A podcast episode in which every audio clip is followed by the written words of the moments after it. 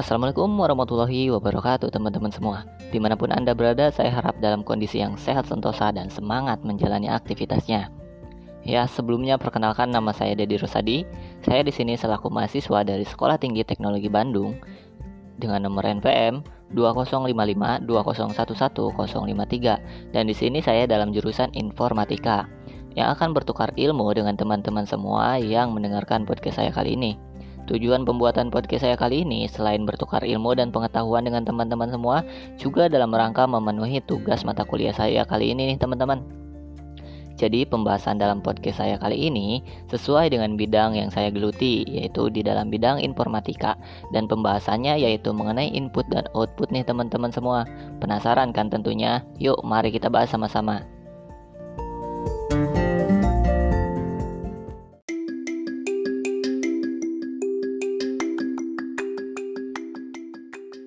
Baik teman-teman, pembahasan pertama yang akan kita bahas di sini yaitu mengenai input. Kita tidak akan tahu begitu saja dong apa sih itu input tanpa mengetahui artinya terlebih dahulu.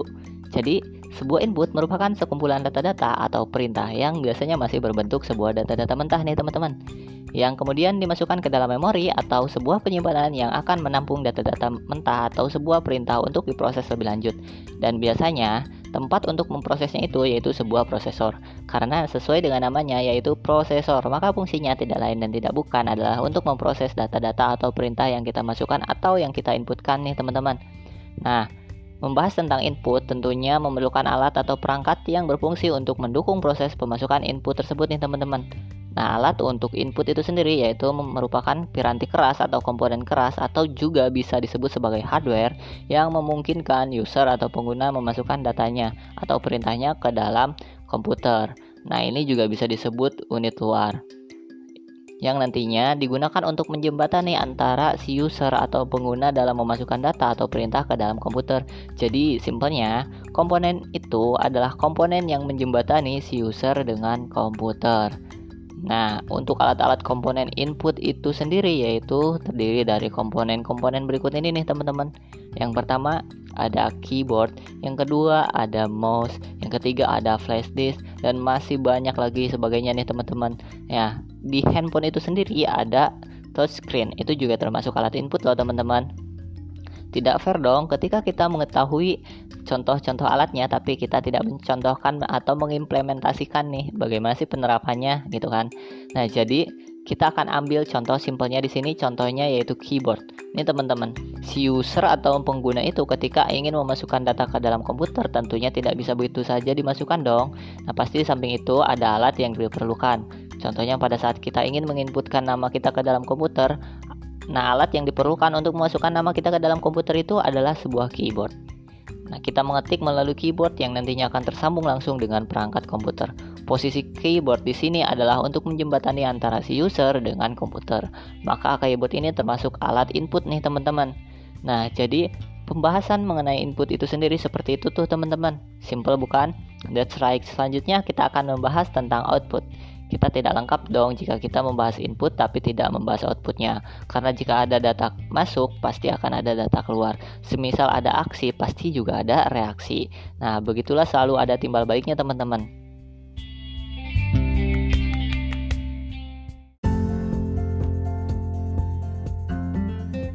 Baik teman-teman, di pembahasan kedua kali ini kita akan membahas tentang output.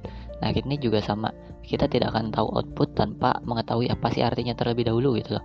Jadi, untuk output itu sendiri merupakan data yang telah diproses atau data jadi. Dan data jadi ini bisa berupa informasi yang diberikan komputer kepada user. Ketika data tersebut telah selesai diproses, Secara garis besar, jadi output itu ialah komputer memproses data-data yang diinputkan sehingga menjadi sebuah data jadi atau informasi yang nantinya akan diberikan atau diterima oleh si user atau pengguna.